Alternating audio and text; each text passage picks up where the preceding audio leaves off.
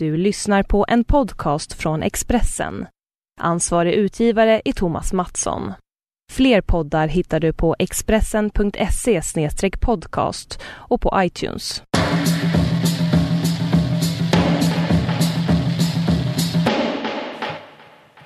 Vi har redan pratat med varandra i typ eh, en och en halv timme. Ja, det stämmer. Eh, om man sätter in eh, riktigt mycket pengar kan man få det snacket också hemskickat till sig. Nej. Vi, vi precis allt som är för sjukt för att vara med i podden. Ja, nej. Ehm, precis. Det var privat men inte personligt, eh, det vi sa. Eh, Just man, det. man ska egentligen prata personligt men inte privat. Precis. Men eh, nu jävlar är det dags att podda. Det är det verkligen. Du vet att vi har blivit nominerade till Finest Awards för bästa podd? Nej, det visste jag inte. Nej, jag fick en inbjudan. Det är en, en gala på eh, Café Opera. Det är typ Kissy. Alltså det är jättemycket så här modeblogg. eh, Det är en bloggsajt med, som har jättemycket sådana ja, men typiska modebloggtjejer. Ja, men det vet jag. Finest, alltså själva webbsidan. Ja. Okej, men de har också poddar då, eller? Ja, jag tycker det känns jättekul att vi får vara med i det sammanhanget. Att Men vi... varför inte jag inbjuden?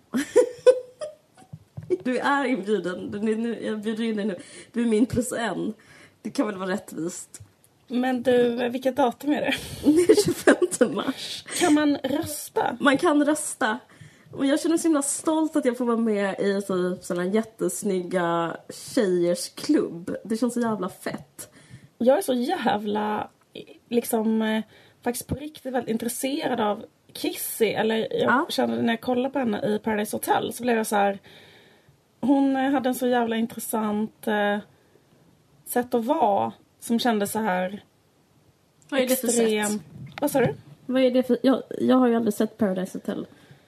Men typ att hon var så här, hon har så här, är så extremt, extremt eh, snygg och också har liksom jättestora silikonbröst. Och eh, hela den här grejen som man kanske brukade på 90-talet beskriva som att den här tjejen är typ ett offer, alltså en väldigt, väldigt slentrianmässig svennig åsikt kanske är så här eh, vad är det här för tragisk tjej som måste ha så stora bröst för att känna att hon är värd någonting och sådana saker.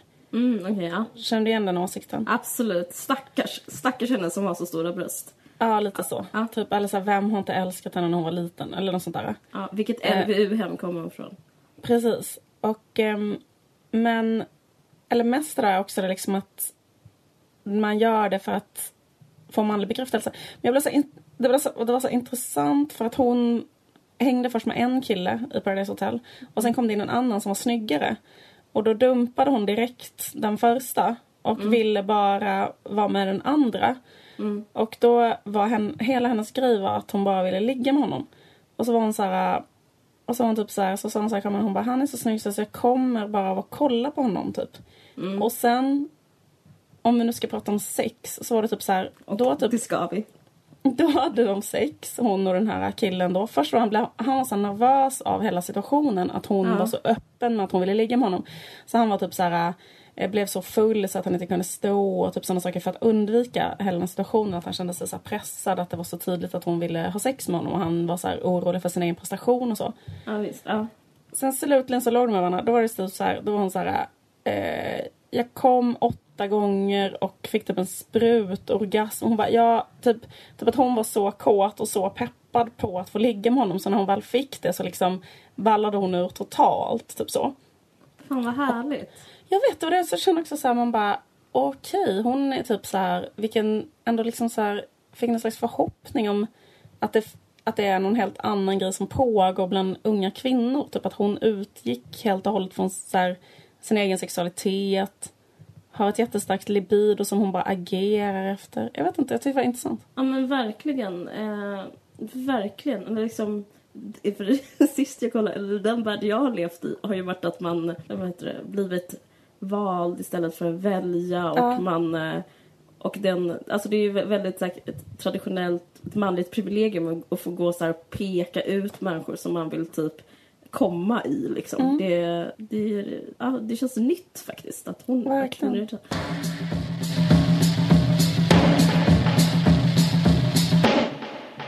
jag är ju typ ändå så här halvny med att hålla på med sociala medier. Alltså jag började mitt Instagramkonto kanske tio år efter alla andra. Mm.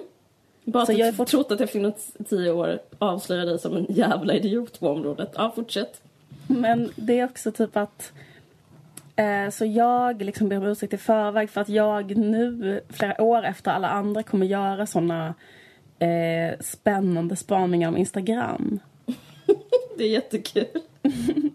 Håll i hatten. Nu kommer en spaning om hur Instagram är. Ja, kör. Nej. Eh, nej, det är inte så himla farligt. Men en grej, jag har typ så här, eh, fått upp ögonen för en trend. Som är så här, alltså, i- liksom varenda jävla idiot som använder Instagram märker ju att så här, man postar ju eh, saker som eh, kanske framställer en själv i lite god dager. Alltså man postar inte så här, ehm, till exempel en bild på en själv när man är svinful. Typ så här, om man har tagit på sig jättefula kläder och bara ser för jävligt ut till exempel. Eller man postar inte så här, man har lagat något så jävla vidrigt och typ Jag, fotar det. jag är tyst för att jag är helt chockad över att det här är din spaning. Ja, men alltså, den fortsätter snart. Okej, då fortsätter det bra. Men liksom nu så har det börjat liksom komma ett, en typ av konton som är så här människor som håller på med det. Till exempel människor som lever i aktiva missbruk. Följer du den här typen av konton? För det har jag börjat följa väldigt mycket. Till exempel kontot Klasshat som handlar om att ha lite pengar. Där folk skriver så här jättelånga berättelser om hur det är att leva så här i ekonomisk, ekonomiska, margina, ekonomiska marginalen. Nej. Eh, kontot Det är insidan som räknas som handlar om människor som lever med missbruk, som är typ uteliggare, lever på gatan eller på, alltså, kämpar mot missbruk. Och de här kontona har så jävla mycket följare. Ah. Och då är de kontona så här, liksom att det är så här, eh, typ människor med olika alias skriver kanske såna här saker, typ så här, eh, liksom istället för att skriva så här, den här, den här lyckade framställningen av sig själv så är det typ så här, när min mamma som var narkoman och min pappa som sköt sin exfru och hur jag blev typ våldtagen hela min barndom, eh, började ta heroin när jag var 13, sådana berättelser. Oj, ja. Också typ, Jag följer Hu- Humans of New York, gör du det? Det är ungefär samma att man så här, rätt så här utsatta människor på gatan som får berätta sin livshistoria? Är det typ den... Ja men det, är- det är som ett sånt. Jag tror Ja. att det finns hur många som helst. Ja. Alltså typ så här, Det är väldigt bra tycker jag. Ja, exakt. För då känner man att man kan få en inblick i... Om man ska tolka det så jävla välvilligt så, så är det ju då liksom ett sätt att öka på empatin och förståelsen i samhället. Mm, mm. Istället för att det blir liksom den här grejen att man tänker att människor lever på ett sätt som är ett ouppnåeligt ideal så tänker man istället så att man kan få någon beröringspunkt med någon själ där ute vars, som man kanske annars bara går förbi på gatan och ja, Mm, mm. liksom. Men jag vill absolut inte säga någonting negativt om det här kontot. Det är insidan som räknas för att jag Mm. följer det själv tycker det är bra. Men en sak som jag tycker är alltså på ett sätt är pytte, pytte, pytte lite intressant. Det är så här människor som följer det kontot. Att det är så här, förstår du att det finns en viss kategori människor i samhället Mm. som älskar typ att höra om så här misär. Ja, visst. Och då liksom... Alltså de behöver så himla tung misär. De typ pundar på misär. De är helt vanliga själva. Ja. Lever helt vanliga liv. Men så älskar de så här... Det är lite som att läsa en sån bok som är så här... Inte utan min dotter typ. Ja, lite barn som kallades det eller...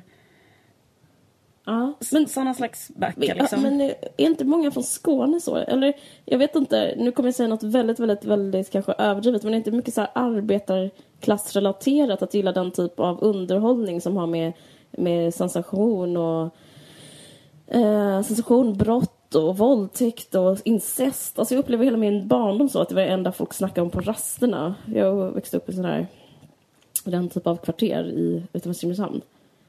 Känner du igen det här? Att, att det är liksom en klassfråga? Mm, nej, det tror jag inte. Men Nej, kanske har- inte. Jag ehm, tänker att det är, att det är liksom också så här storytelling men det är liksom inte finkultur. Det är liksom inte Knausgård. Det är typ så här... Men det är fortfarande så här berättelsen man, man, man vill åt. Men det kanske ändå finns liksom eh, finkultur som, tender, som liksom fiskar de vattnen också. Mm, jo, det finns Typ så här att det blir liksom, vad hette den där eh, som var liksom påhittad visade sig sen som handlar om typ en truckhora. Ja, just det. G.T. Le- Leroy. Eh. Sarah, ja den. Jag tänker var så jävla arga som det visade sig att det inte var en truckhora som hade skrivit den för de ville det så himla gärna. De det var en väldigt "Åh, bra nej." bok, så himla konstigt ja. ja. Ja men det var väl liksom lite grann det, det spåret. Eller jag tänker på så här, den här filmen med Charlize Theron, Monster typ. Alltså det finns liksom någonting. Okej, alltså, du har rätt. Det finns lite uppåt i, i liksom... Ja, Jag tycker det känns som att liksom det finns på alla håll lite grann den där grejen att man liksom Man, kan, man, Men- bara, man bara måste höra om någon som har utsatts för eh, incest. Liksom. Ja, precis. Och då typ så här... eh, Då är det så roligt, eller det är inte så roligt, men det finns någonting som är lite roligt.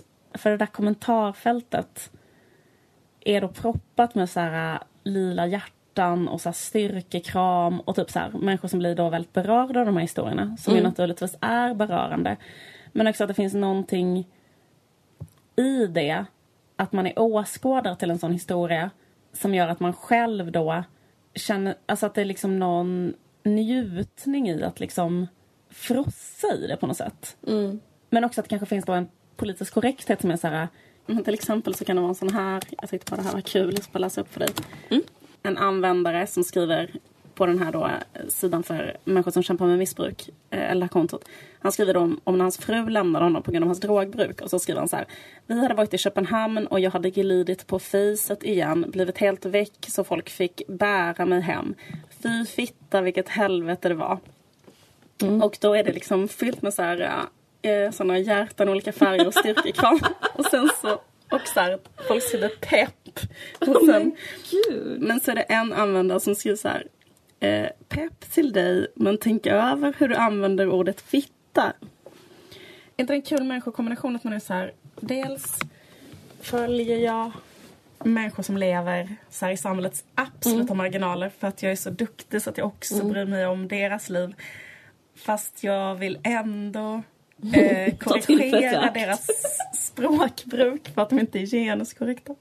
Jo, gud, det är roligt. Men jag bara tänkte, jag tänkte att jag kan på ett sätt kan förstå han, den, där gen, den som korrigerar. För det, det låter så himla brutalt att typ säga fitta. Jag tycker det faktiskt är lite svårt när man säger det. Tycker inte du det? Men om man vill beskriva känslan av att, eh, Att allt är skit. återfall och ens fru lämnar en man är i Köpenhamn. Man har glidit på fejset igen. Att, att det något vara som- poetiskt. Ja, tyckte du? Jag blev så här, vad, fan, ty- vad menar han då? Jag vet inte, typ att man så här, um, kanske ligger med, med huvudet i asfalten. Eh, Och glider framåt för att man är så full. Så, får, så typ man rispar sitt huvud framåt och typ man bryr sig inte. Ja, för att det är ändå det är så jävla gött. Ja men det är intressant för det är liksom eh, motsatsen. Dels att eh, hela kommentarfältet bara är fyllt med så här nätkärlek. För det finns ju liksom en sån Ja. rörelse som är parallell med det här näthatet. Dels är det liksom människor som bara håller på att peppa varandra på internet. Det är ju liksom hälften av internet är bara så. Att folk liksom håller på att styrkekrama, pepp, lila hjärtan typ.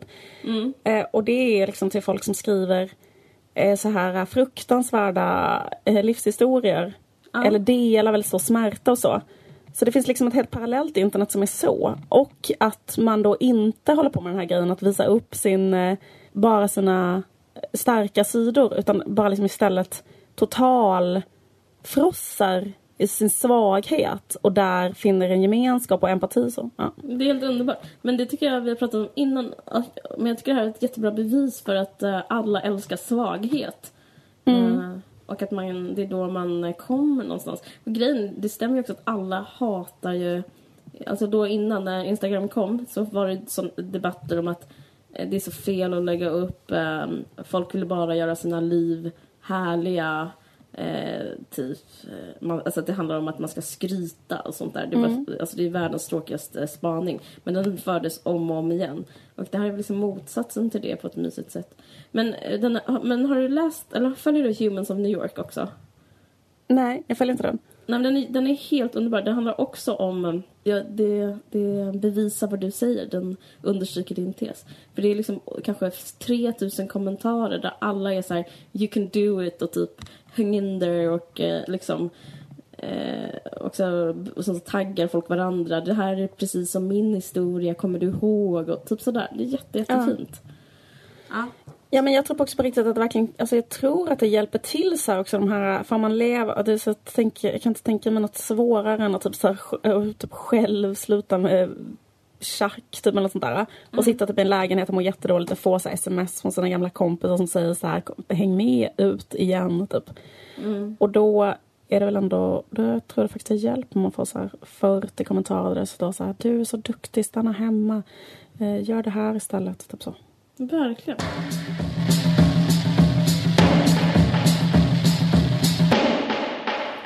Du hade kollat på en eh, dokumentär om Susan Sontag. Just det. Susan Sontag. Susan Sontag. Nej men precis. Eh, jag var väldigt peppad på att kolla på den för att eh, det är så ofta det kommer typ så dokumentärer om stora män som var starka karaktärer och sådär. Och jag typ, ibland kan uppleva att det inte finns några kvinnor och grejen är det är inte sant rättviseförmedlingen men, men, men det görs inte så mycket dokumentärer. Och eh, nu så gjordes en, stor, en dokumentär som heter Regarding Susan Sontag som handlar om eh, Susan Sontag som intellektuell person och hon är egentligen författare. Men grejen är, det är väl rätt så underbar dokumentär för att hon, eh, den handlar liksom bara om eh, hennes liv och hon, ja. hennes liv var liksom hennes konst. Hon var så himla bra på att leva och den är så inspirerande hon var, hon var så bisexuell, hon fick ett barn, hon gjorde allt. Hon bodde i Paris, hon bodde i New York, hon var med typ, hon, det är som Forrest Gump typ. Ja, hon, hon, hon, var med överallt. Hon var med överallt. Hon var typ, sitter så här på en sån Andy Warhols eh, studio, hon var med i The Factory, hon typ, hon typ låg med assnygga typ eh, konstnärstjejer och typ ja. eh, var med på alla omslag av The New Yorker. Anne Leibovitz, Ja, ah, just det, precis. Um, den här fotografen som har tagit alla, jag älskar ju inte en Anne Leibovitz så mycket. Men hon, mm. hon har säkert tagit jättebra foton också. Men när man tänker på henne så tänker man bara på de här bilderna på så här, en gravid Demi Moore typ. Eller så här, Ja precis. Eh, Precis, hon är, men, hon, men, men hon var typ alltid där det hände. Men jag vet inte, ja. jag blev så inspirerad. Hon var så extremt bra på att festa och så hade hon så extremt eh, Eh, hon, hon har så extremt snygg lesbisk stil. Hon sminkade ja. aldrig sig och typ eh, var gråhårig och eh, låg med alla snygga tjejer och var på alla fester i alla metropoler. Så hela ja. filmen handlar om det. Så, och jag blir så, fortfarande jag har inte läst någonting och fortfarande inte särskilt sugen på att läsa. Jag, men man blir typ sugen att gå på fest. Eh, ja, jag vet inte om det är att reducera henne som intellektuell eh, person men Eh, men det handlar liksom om ett tjejsvin. Alltså hon, var, hon var dum i huvudet. En sak, till exempel, hon var ihop med någon tjej och, sen, och så när det var middag hemma hos dem så stod hon och skällde ut henne inför alla andra.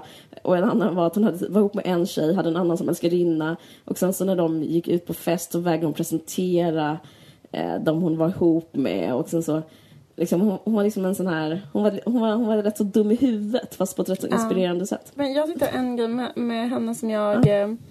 Eh, alltså jag har inte läst någonting heller mm. men typ jag bara läste lite om henne och då tänkte jag så här, Då står det liksom att hon har skrivit mycket essäer och det blev jag så på riktigt intresserad av. Tänkte så här, för då hon har tydligen skrivit en väldigt så här, inflytelserik essä som heter On Photography som ja, kom 1977.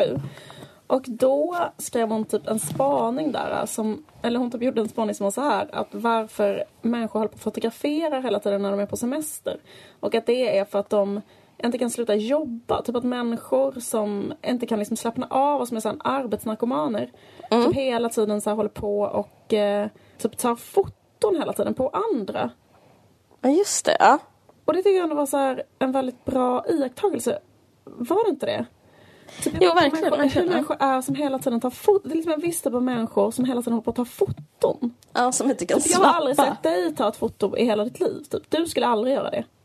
Du skulle inte så här, på en fest krypa ihop i en obekväm ställning, ha med ett sånt objektiv och liksom titta på så här eh, mig och Niklas när vi är inbegripna i ett samtal och typ vilja föreviga det i svartvitt.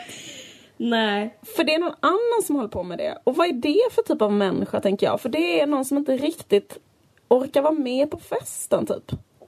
Ja, du tänker så. Ja, det kommer jag ihåg när vi gick på DI. Då pratade de om att när man är i krig eh, som fotograf, de bara ja. hade lite väl starka ta stora tankar om vad vi skulle göra efter vi gick ut. Men de bara, när ni, när ni tar, tar ett jobb. till Syrien.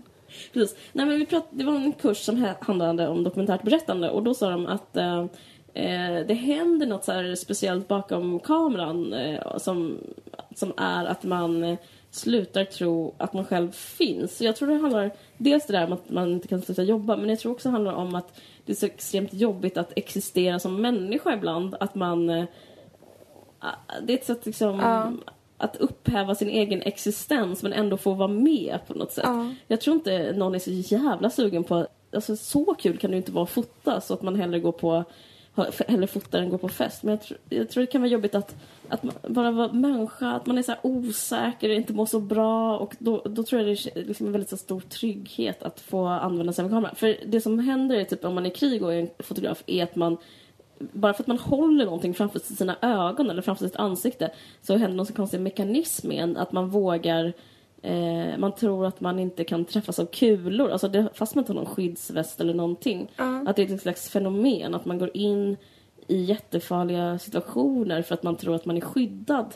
Så jag tror att det handlar jättemycket om kameran som skydd. Alltså om man tänker att en fest är ett krig, typ. Ja. Jag vet inte.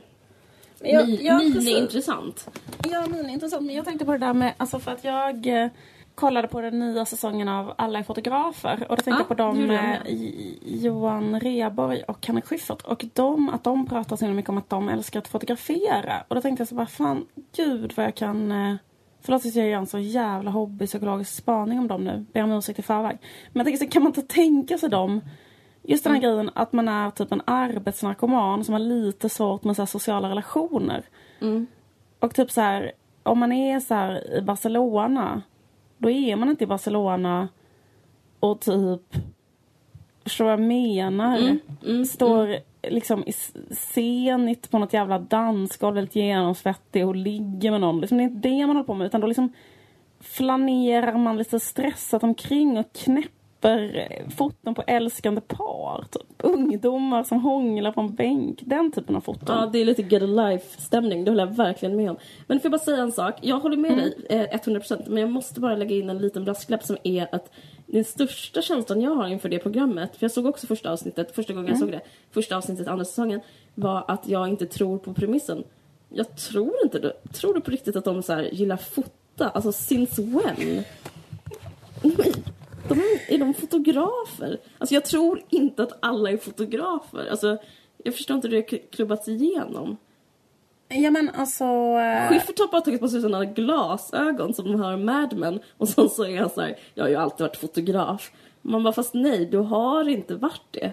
Johan Rheborg kan jag tro lite mer på. Att Johan nördig eh, liksom. Jag vet ingenting om Schyffert men Johan Rheborg har i alla fall typ gett ut så här fotoböcker typ och sånt där. Alltså... Mm. Ja, jag vet. Ja, precis. Han, det vet jag att han har gjort. Han har kanske tagit svartvitt eh, bild på Markus Krunegård i logen. Det har, sådana har Ja. jag sett. Men, eh, men, men eh, att Schyffert skulle också alltid, sen dag ett, sen kameran kom, har han varit fotograf. Jag, nej, jag köper faktiskt inte den premissen. Men Eh, okej. Intressant in, invändning. men gör alla andra det? Att, han, att, att du tänker att han egentligen inte är en men varför skulle han vara med i det där programmet då? Ja, men för jag tror det är ett fenomen, jag vet inte om det var du som berättade. Eh, det var någon som var på en föreläsning en gång. Och föreläsaren kallade sig statsvetare. Och sen så bara berättade hon sen att han läst en A-kurs typ, i statsvetenskap. Jag tror det var du som sa det, men jag tror det är ett fenomen av att typ vara kille, att man är så här. Eh, jo, jag är fotograf liksom. Men ja, för, ja, det som hände mig då, det var att jag var ganska ung och typ hade läst statsvetenskap rätt många terminer. Och så just gick jag på ett föredrag och så var det typ en kille som var så här, hej jag heter detta och detta, jag är statsvetare med inriktning på typ Latinamerikakunskap eller sånt där. Och så blev jag så intresserad, jag bara så gick jag fram till dem efteråt och frågade så här, hur har du blivit det eller vad har du läst och så för att kunna bli då typ just så här, presentera sig själv som så här statsvetare med inriktning på Latinamerika eller hur ser din utbildning ut? Och då var han så här, bara, nej alltså jag läst en A-kurs och jag typ är intresserad av Latinamerika. Och då var jag så här, jaha, okej. Det är så man ska vara. Man går upp där, äh, Man ställer sig på ett podium ställer sig på podium, harklar sig och är så här, jag är statsvetare med inriktning på det här. Men ehm, ja, jo, jo, just det. Men de är väl också lite så att de säger så här, bara, ja alla är det för att nu för tiden så tar alla foton. Den spaningen. Lite den fotospaningen jag hade om Instagram. Det är också Som, lite eh, som att plura i kock. Man bara, alltså, du, man skulle kunna kalla det kock, men man också, skulle också kunna beskriva person som lagar mat. Jag vet, förstår vad jag menar? Det är också Ja. så, since when är Plura kock? Du skulle vilja se på hans papper. Du skulle vilja se sånt där diplom. Nej men jag menar alla, i så fall kan man göra ett till program som heter Alla är kockar och det det är det alla är också, för alla lagar mat en gång om dagen typ. Ja, Men ja. eh, jag bara menar att det är lite, lite manligt sätt att uttrycka sig på, att kalla sig fotograf och kock. Vad kommer härnäst? Jag är typ doktor. Nej, det... Ja, precis. Alla är doktorer. Alla är ju att kirurger. Du, om du lägger dig här... Nej, okej, jag ska sluta skämta. Jag, jag ska get off the stage. Vad tyckte du om Eh, första de- avsnittet? Ehm, jo, nej men eh, det var ju på ett sätt så intressant för att det handlade om ett tema som du och jag eh, ofta berör, nämligen eh, genus. Alltså de fick ju väldigt mycket kritik i den första säsongen för att det var så här eh, genus eh, oskönt, eller man ska säga. Mm. Genus inkorrekt tror jag de ja. använder. Ja. Ja, men det var ju typ att så här, man kanske inte problematiserade den här grejen med typ så här, den manliga blicken, vem är objekt, vem är subjekt, hur framställer man män på bild, hur framställer man kvinnor på bild och så. Alltså genomgående så problematiserades det inte i liksom hela första säsongen, Nej. utan snarare kanske Reproducerades det då? reproducerades väldigt så här oövertänkt. Jag var faktiskt lite förvånad över det, för att jag, jag tänkte faktiskt på att det skulle vara så himla, himla lätt. Det finns en sån grej, typ att genuswasha grejer. Mm. Alltså det är så otroligt lätt att genuswasha grejer eller att så här, äh, antirasist-washa grejer. Alltså typ att folk är ju så nu för tiden att man kan, alltså hade de bara haft typ så här två till kvinnliga fotografer med i programmet. Nu kanske de hade, under förra säsongen kanske de hade totalt tre eller något sånt där. Och kanske tolv manliga, eller förstår du? Som typ var experter och hjälpte dem.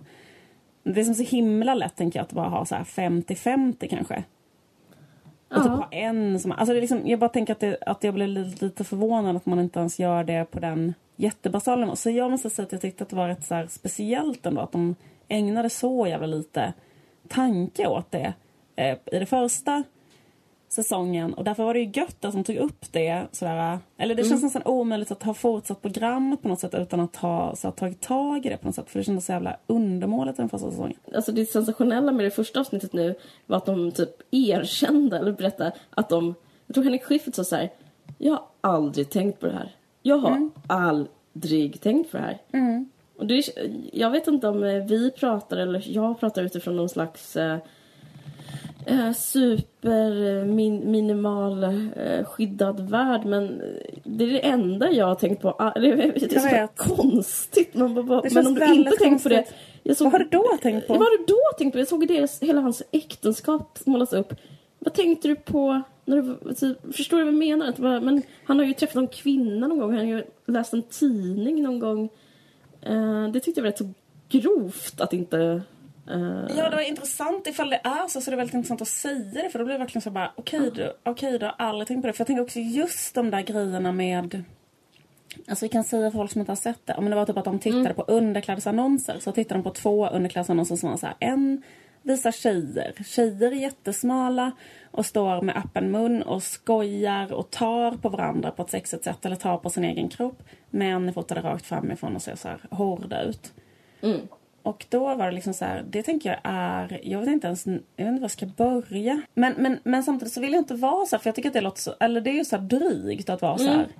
Men när jag, han gjorde ju en show som hette The 90s som Ja. handlade om att 90-talet var väldigt opolitiskt. Men mitt 90-tal till exempel gick ju ut väldigt mycket just på den där grejen med typ iakttagelse om underklädesreklam. Det, det kommer jag ihåg som mitt första politiska uppvaknande. Typ att Sverige tapetserades med så här bilder på Anna Nicole Smith. Typ. Kommer du ihåg det? Ja, att H&M hade såna. Och då var det så här eh, att man liksom vände sig mot det. Att det är så här, det här invaderar ett offentligt rum eller gör någonting med ett offentligt rum som inte känns eh, som känns förnedrande mot kvinnor. Ja. Jag har inte sett hans The 90s. Har du gjort det? Ja. Ja, för grejen att det var också det, min andra tanke var att hur kan han genomföra en hel show utan... Alltså för den fick så jävla bra kritik. Jag undrar hur man kan operera ett universum som inte har den parametern eh, och ändå göra bra grejer. Jag tror faktiskt det är det som är lite svaret. Han lyckas göra väldigt så här, högkvalitativ eh, underhållning ändå. Alltså han har väl inte behövt. Förstår du vad jag menar? Eh, Jo, alltså, han, hans, ja. hans spaningar är så jävla hållbara. Det finns liksom inget som föreslår i hans värld att han eh, ska kolla på det. Men jag kommer ihåg det. Kommer du ihåg det här minnet? Eller har jag konstruerat det? Att Simrishamn 1996 typ, eh, eller 94, du sp- sprayar kvinnotecknet på en hm affisch i Brunnsparken. Ja, Jag och du var vakt. med. Du, För mig, det är liksom... eh, Ja, då, då var jag liksom 14. Ja, det, det- ja, det, är, det är väldigt stor skillnad på hur Schyfferts upplevelse. du var 14 och jag var 16 Ja. och då var vi liksom väldigt mycket, ja men du säger att jag var då väldigt uppfylld av det här bara att att jag tyckte att det var fel, att det fanns så mycket så här objektifierande bilder på kvinnokroppen överallt liksom och sådär. Det är ju liksom en, en ganska, vad ska man säga, det, det känns liksom som en sån här grundinsikt. Men skitsamma, för Ja. grejen är att det är liksom, eller det Vi jag behöver tänker inte också- coola oss och liksom, vi behöver inte så här, det Nej, är nej lugnt. exakt. Och, och, eh, och också att typ så här, jag fattar också att saker och ting rör sig. Att de, det där programmet vänder sig till en extremt bred så här, svennig allmänhet. Och den svenniga allmänhet kanske inte har tänkt på typ att så här, kvinnor i underklassmodellen är smala och ska se sexiga ut och männen ska se på och farliga ut. Fast jag tror fan att de har tänkt på det. Alltså. Grejen är att jag tänkte, min tredje tanke om det här är att de kanske spelar dumma för Ja, case of the argument. Ja. Att de bara, Ja. vi tar kulan för dramaturgins skull, vi vet inget, nu vet vi. Vi vi får ett problem, vi ska ta en uh, genuskorrekt bild och nu har vi kommit till insikt. För det hade inte varit lika så här, svängigt program om de bara, jo, Vi vi har vet. alltid tänkt lite grann på det här. Ja, precis. Det har liksom inte blivit någonting.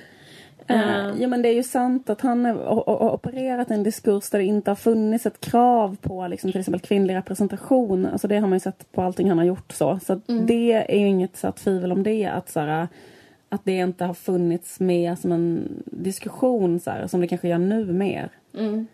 Men eh, Undrar vad jag Schyffert tycker om det här. Alltså, tro, jag undrar hur han eh, tar det. Att, för nu må, alltså, feminismen pockar ju på på ett annat sätt än det gjorde när han, eh, under Killinggängets tiden. Då var det liksom inte så många röster som nådde fram, tror jag. Ja, men jag tror att han tar det så som, eh, alltså så som en person som sysslar med att återuppfinna sig själv och liksom finna sig själv i olika trender och sådär. Att man adaptar till det och gör sig till en del av det så att man inte längre liksom kan bli angripen. Alltså så känns det som att han handhar det. Och det känner jag samma sak med den där The 90s eh, grejen. För den är ju typ en uppgörelse med så här ironin, typ. Mm, det är väl ett slags förlåt på ett sätt. Ja, precis. Och då är det liksom ett sätt att så här, kunna fortsätta verka. För att om han hade fortsatt säga så här det bästa som finns är ironisk humor med bara killar och sitta nu och säga det, fortsätta säga det. Eller så här, det går ju inte. Nej. Utan han bara fortsätter att göra så att han kan vara verksam, tänker jag. Jag vet, men jag tycker det är jävligt intressant för att jag rör mig lite i tv-världen och olika produktionsbolag och sådär. Med, med liksom, inte som att jag jobbar med Schyffert men i hans liksom omnejd kan man säga. Och jag upplever jättestarkt att det finns som två verkligheter. En verklighet som är fernissan som, som kommer fram i såna SVT-program som alla vill bli fotografer. Och en verklighet som är typ en skuggvärld där, där, sak, där, där det är där folk är ärliga. Alltså jag upplever att det finns två skikt. Och det där skiktet vi såg var inte ärlighet. Jag tror fortfarande att eh, det roligaste Schyffert tycker är åtta killar som är ironiska. För att jag tror det. Och om man ser på liksom de som gör typ underhållningsprogram. Det är fortfarande så åtta killar som kanske inte är ironiska men det är fortfarande så väldigt, väldigt eh, mansdominerad underhållningsbransch. Nu, det enda skillnaden nu är att de tar med typ ordet genus i, sin, eh, i sitt program. Men för att, för att det, går, alltså de, de, det går inte att säga att man inte är feminist. Liksom. Ja. Eh, men jag tror fortfarande inte att det är någon som är det om jag ska vara ärlig. Jag vet inte, jag tyckte ändå på ett sätt var rätt så starkt när de sa så här. De börjar hela programmet med att säga så här. Vi har fått jättemycket kritik för säsongen för att vi har tagit så här genusinkorrekta bilder. Mm. Vissa människor skulle säga, eftersom vi är två vita medelålders män, att det bästa skulle vara att skjuta av oss direkt. Så vi skulle lika gärna kunna börja med det, typ. Mm. Jag tyckte ändå det var liksom lite intressant, typ. Att det är så här...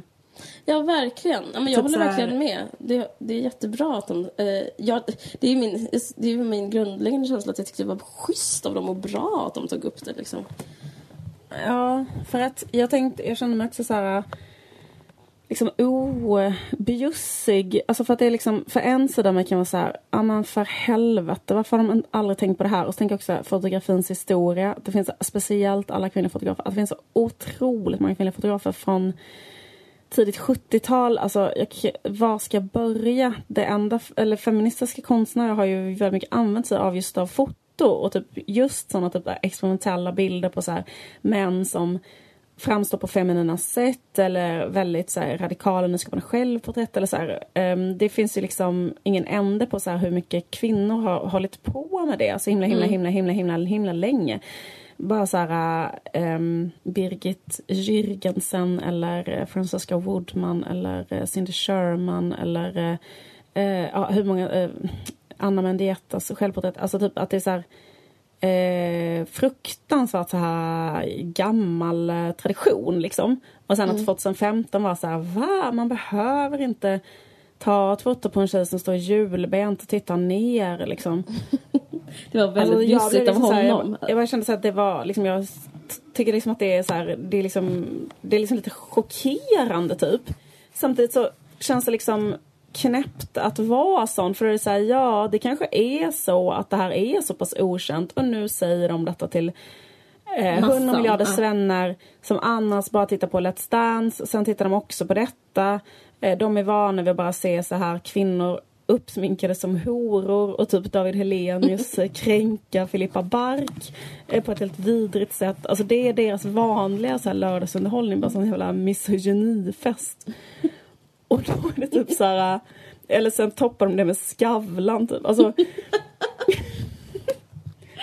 Jag vet. Ja, men om då, de orkar då, hålla ögonen öppna för ytterligare lite så här lite god. eh, lite så här, lite gubbiga frågor om privatlivet till kvinnor. Jag vet, och sen går de och lägger sig och då får de istället se det här där deras allra mest älskade män som brukade göra Percy Nilegård som var den roligaste de någonsin har sett. Han, till och med han kan stå och säga så här, eh, jag tycker det skulle vara intressant och för en gångs skull inte ta ett foto på en äldre kvinna när hon typ ligger ner och stirrar kåt in i kameran utan så här, man kan också ta när hon bara tittar rakt in kameran och inte ler. Och så var det chock. och inte suger på sin hand.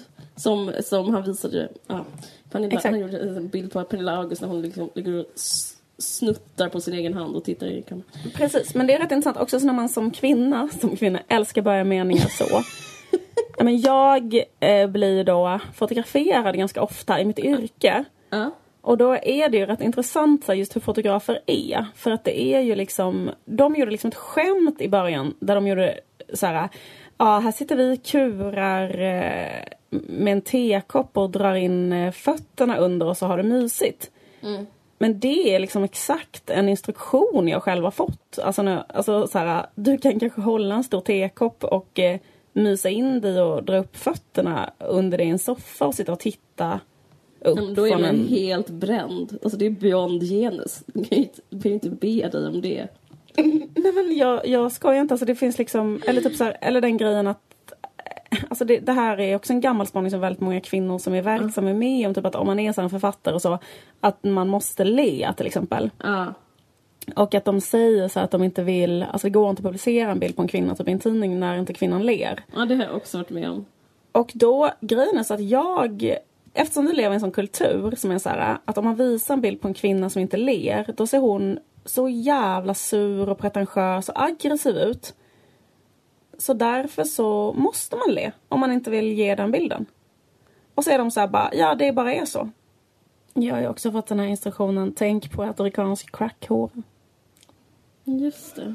Får jag som skriker, tänk på amerikansk crackhora. Det är så extremt Tänk på att... abstrakt instruktion skulle jag säga. Jag vet, jag sa också Är det. Jag bara, är det en gemensam referens?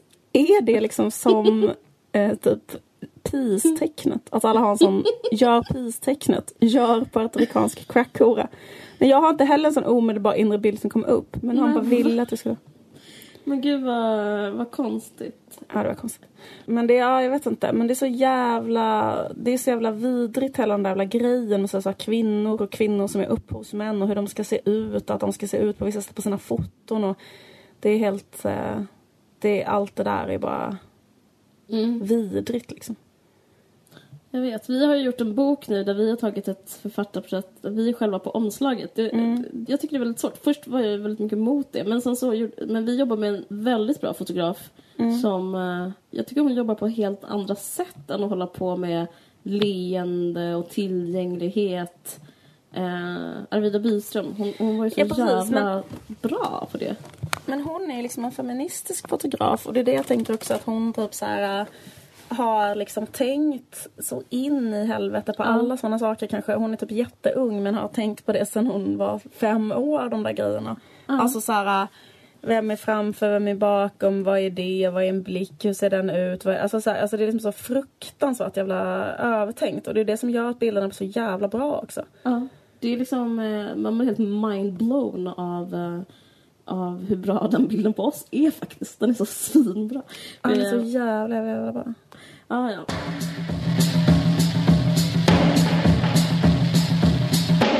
Jag har lyssnat på ett radioprogram i Tendens i P1 som handlar om halo-effekten. Vad är det? Eh, positiva varianten är att om, man- om man syns, det är också rätt, rätt så mycket så här fotograf, fotografibaserat. Om man, det finns typ ett sätt att bli framgångsrik i att fotas mycket med framgångsrika människor. Eller att bara vara nära framgångsrika människor. Och i brist på framgångsrika människor fotas med snygga människor. Så att det finns en sån, det handlar liksom om bilden av sig själv som så här samhället eh, receptionens, samhällets reception av en själv som är att man tror att en person som ser eh, makt eh, som ser ut som att ha makt eller ser, ut att vara snygg eller eh, genom att man är med snygga och makt eh, människor. Eh, man tror att de personerna är bättre och så får man, liksom, får man bättre jobb och så får man bättre betalt och typ det är ett sätt att liksom göra karriär. Men sen så var han jätteintressant det här programmet för det handlar mest om så här, den motsatta effekten. Så man pratat med en psykolog som heter Malin Lindelöf som har eh, forskat om hur man ser på fula människor och särskilt i rekryteringsprocesser. Det finns liksom massa, i Sverige har vi diskrimineringsgrundande, vissa saker eh, kan man liksom bli fälld för om man diskriminerar, typ om man ålder, utseende, kön och sådär. Det, det är liksom problem med det, det är liksom diskriminering fortfarande på de här punkterna. Men det största som folk diskriminerar är vikt och övervikt. Eh, hon säger, så citerar nu, vi väljer systematiskt bort personer i en rekryteringsprocess. När det framgår att en person är kraftigt överviktig, då väljs man bort ungefär tre gånger så stor utsträckning som man väljer bort någon av de enskilda diskrimineringsgrunderna. Om man är överviktig så tänker människor, alltså det här är inte mina åsikter, det är som hon forskat på. eh, Man tror att folk är mindre lyckliga, mindre lyckade, mindre intelligenta och bara lever sämre liv helt enkelt. Eh, Och sa du att, det är, alltså övervikt är tre gånger så vanligt att bli bortvald som av de andra diskrimineringsgrunderna? Ja, alltså, eh, Alltså typ hudfärg. etnicitet ja, precis. och, och ålder Mm. och kön. Mm. Fy fan vad vidrigt. Ja. Inte Mm. konstigt att liksom folk är helt jävla psycho kring mat. För att man känner att det vilar ett sån socialt stigma som, alltså det är sån skräck som på ett sätt är reell då också. Att så här, Mm, precis. Jag känner mig inte tjock. förvånad. Typ så här, även om man själv skulle tycka att det var okej så skulle liksom ingen annan tycka det. Så därför liksom... Nej, det är bara inte okej. Det är bara... eh, det är bara fel på massa olika parametrar. Och eh, nej, men jag känner inte förvånad. Jag känner typ att man kan känna av den här lilla så här... Det finns så här bubblar en sån här grej under ytan av att folk hatar tjocka människor. Jag, Och man ser inte tjocka människor heller i eh, olika maktpositioner eller i tidningen eller i tv. Förutom Det- Stenbeck. Ja, precis. Nej, men jag menar, Förutom det... män. Ja, förutom Ja. män. Fast inte så jättemånga män Nej. heller. Liksom. Det är bara så här... Eh, det, det, de behandlas som pest. Ja, Ja, Det är helt sinnessjukt. mm, det är sjukt. Men en annan sak jag läste som eh, Mm. var Lena Anderssons text i DN som också handlar om utseende, som handlar om smink. Mm. Eh, den tyckte jag var rätt så intressant. Har du läst den? Ja, jag läste också den. Ja, vad tyckte du? Alltså jag tyckte faktiskt den var rätt så bra. Därför att jag, alltså, eh, alltså jag fattar hela det att man kan tycka att den var patronizing och sånt. Alltså det den handlade om var liksom att eh, det har börjat med en sån grej inom längdskidåkning som att längdskidåkerskor eh, har smink. Mm. Och innan så var det inte så för då var de kanske mindre konstruerade, alltså de tvingades till mindre så här, äh, femininitet. Så här. Äh, Men nu så är det så mycket så. Och sen så blev folk jävligt sura och tolkade det som att hon bashade kvinnor som sminkade sig och så. Mm. Men jag vet inte, för jag kan ibland längta tillbaka till den feminismen som var på 90-talet där man på ett sätt liksom mer problematiserade liksom femininitetens uttryck. Alltså, för att, alltså, då problematiserade man ju dem för mycket, absolut. Att det var så här, att man så här, såg ner så jävla mycket på allt som var kodat som feminint liksom. Eh, men för jag vet att Lena Andersson skrev en annan artikel som jag tycker var så jävla bra som handlade om Nobelfesten. Som var så här, skillnaden hur kvinnor och män ser ut på Nobelfesten. Alltså det att eh, kungen har en kostym och eh, Silvia och eh, Madeleine och alla de är liksom enormt utstyrda i väldigt mycket så här strass och glitter och färger och urringningar och håruppsättningar och smink. Så. Hon bara, det att alla kvinnor ser ut så på Nobelfesten och alla män ser ut så att de har så här kortklippt hår, inget smink och typ en kostym. Det är det som är anledningen till att män i högre grad får Nobelpriset och kvinnor i mindre grad får Nobelpriset. Ja. För att liksom kvinnor håller på med det där och att de bara blir, bara blir liksom eh, bedömda utifrån yta och är någonting man ska kolla på och typ runka i. Alltså förlåt men alltså det, Säg det är runka. ju eh, lite det att de är mer som en jävla prydnadskudde och männen är mer som eh, själva fåtöljen typ. Alltså Jag förstår vad du menar. Men får jag citera en sak Mm. som hon skriver? Skriver så här. Hon, alltså syftar på skidåkande kvin- eller en kvinna. Hon har blivit fånge i sin trånad efter blickar på just det sätt hon historiskt tränat till som objekt, skrev Karin Johannesson i en intressant artikel på DN Kultur häromdagen. Men vem, vem, men av vem har kvinnan tränats? Av mannen? Eller har någon delaktig i detta själv? Åtmi- Åtminstone nu för tiden som myndig. Så länge kvinnor envist förknippar sig själva med dekoration och pynt kommer de att förknippas med det och glastaket blir kvar. Könsrollerna är i högsta grad en samverkansteater. Man kan inte gärna söka de där begärsblickarna och sen klaga på att ingen ser, du, ingen ser hur duglig man är. Men jag, okej, jag, jag fattar vad du Nej, det- menar. nej, men samtidigt det tycker jag att det, det, det, det är lite, lite så här skyll dig själv om du blir våldtagen Ja, genren. Typ vems fel är, alltså typ du kan inte klaga på könsmaktsordningen om du ser ut som en hora. Alltså jag tycker det är, jag, nej, men jag håller bara liksom inte med. Jag tycker det är lite grovt för att även om någon sminkar sig så kan, måste man ju ändå kunna få önska att inte bli förtryckt. Absolut. Man, och man sminkar sig för att man är förtryckt. Det är också ett sätt att vara schysst. Att man säger jag sminkar mig så att jag inte ska vara jobbig, så att jag inte ska vara krånglig. Ja. Eh, och det gör man för att man har blivit Eh, man har den liksom pressen på sig och de, eh, man har tilldelats den, det utrymmet som är ja du får vara med men då måste du se städad och söt ut. Ja, absolut. Alltså, jag håller med om det. Och en annan invändning som jag har, det är liksom så här, jag tänker också att femininitet, det är inte heller bara, alltså hela den, om man kallar det, man behöver inte knyta det till något kvinnligt, men om man kallar det hela den där grejen att vara objektsrollen, att vara sminkad, att ha på sig olika material och färger och så. Det är ju inte bara något man gör liksom för att man är förtryckt eller för att man har en viss del av det är ju också det finns ju också en det finns också någonting i det som är så här, det är en kulturyttring. Alltså, Man skulle kunna se det som samernas nationaldräkt. Nej, förstår du? Alltså, typ så att jag klär ut mig till en kvinna på det, på det sättet. För att min mamma såg ut så, min mormor såg ut så, för att kvinnor i populärkulturen ser ut så, för att jag identifiera mig med någonting. Alltså det kan ju även män göra. Eller så här, alltså det, jag vet inte, eller liksom använda de attributen. Och, det är liksom någonting som handlar om kultur också. Liksom. Ja, verkligen. Eh, och liksom, jag tycker inte så här, för mig är inte det så ett mål att ingen någonsin mer skulle sminka sig till exempel. Eller att, ingen, eller att alla skulle se ut som de männen på Nobelfesten.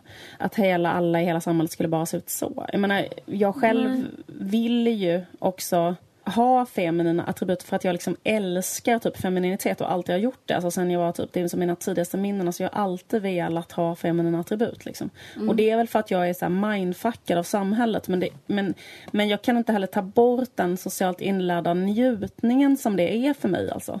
Nej, precis. Så är det ju. Ja, men det håller jag med om. Men det jag tänkte mest på är att eh, eh, vad ska man säga, det blir så svårt så här, att saker och ting som är så här, jättetunga samhällsproblem som att eh, män eh, eh, har mer makt och tjänar mer och förtrycker kvinnor mer. Att det blir liksom upp till eh, en själv som kvinna. Att det hänger på om man ska sminka sig eller inte för att man ska få uttala Nej. sig. Det tycker jag är liksom lite dumt. Men för att en sak som hon inte tar upp, som jag tycker är konstigt, det är att man...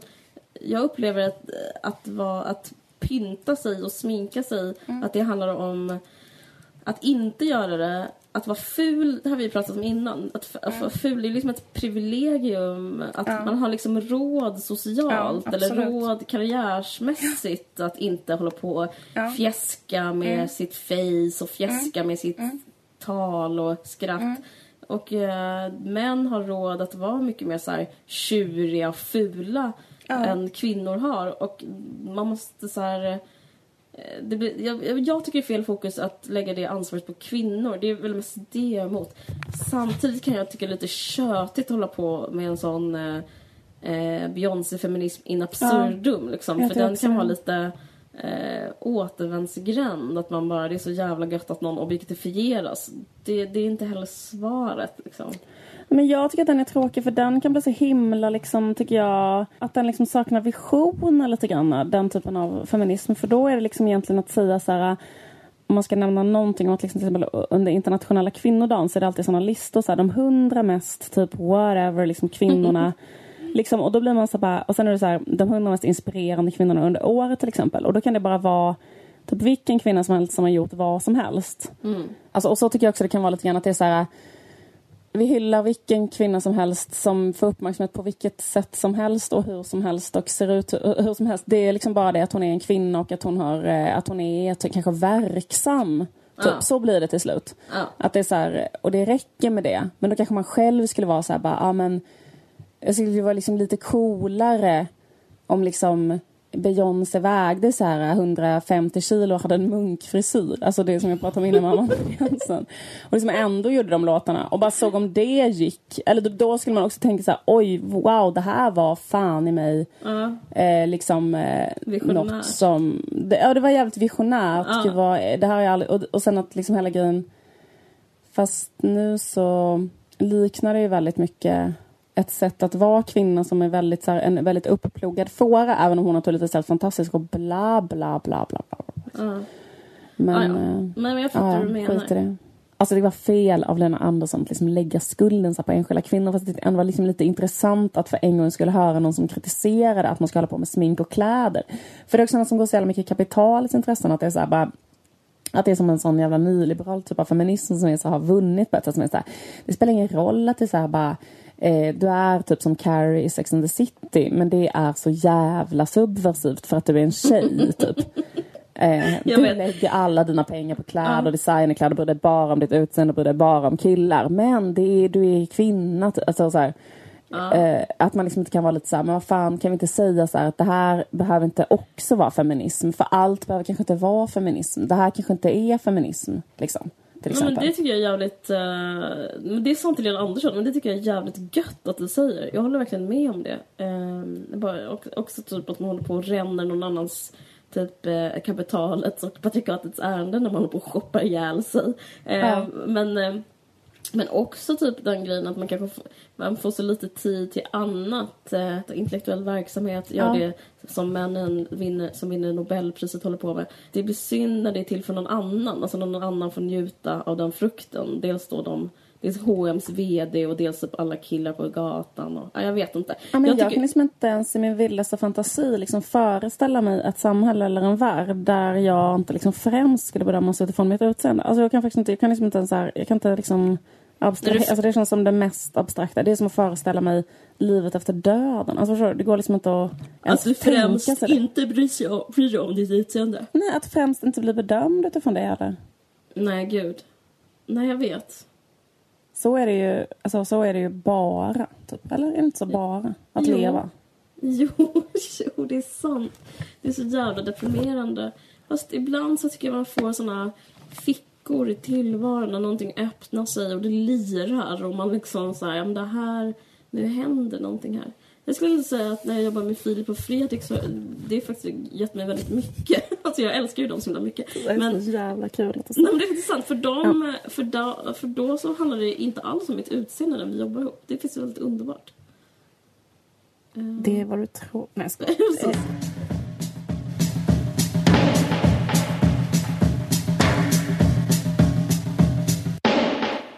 Det var allt för den här gången. Eh, tack så mycket för att ni lyssnar. Ehm, snart kommer också vår eh, bok att finnas ute som heter eh, Kära Liv och Caroline. Där vi svarar på frågor som vi har fått från er poddlyssnare. Den kommer bli skitbra. Det blir jättekul. Ja, och nu kommer jag på en annan sak. Folk som eh, är i Umeå och lyssnar, vi kommer uppträda på Littfest där också Lena Andersson kommer vara. Ja. Eh, så att det blir, ja, kom och lyssna på oss. Där pratar vi om vår bok och, och svarar på frågor och sånt där. Det kommer vara samma dag som den här podden kommer ut typ, som vi kommer att prata. Ja, Musiken i början gjordes av Vit Päls. Ha det så fint. ha det bra. Hej. Den här görs, just det, den här podden görs i samarbete med Expressen Kultur. Jag Hej heter. Caroline Ringskog du heter Liv Strömqvist. Japp. Hej, hej. Hej. Du har lyssnat på en podcast från Expressen. Ansvarig utgivare är Thomas Mattsson. Fler poddar hittar du på expressen.se podcast och på iTunes.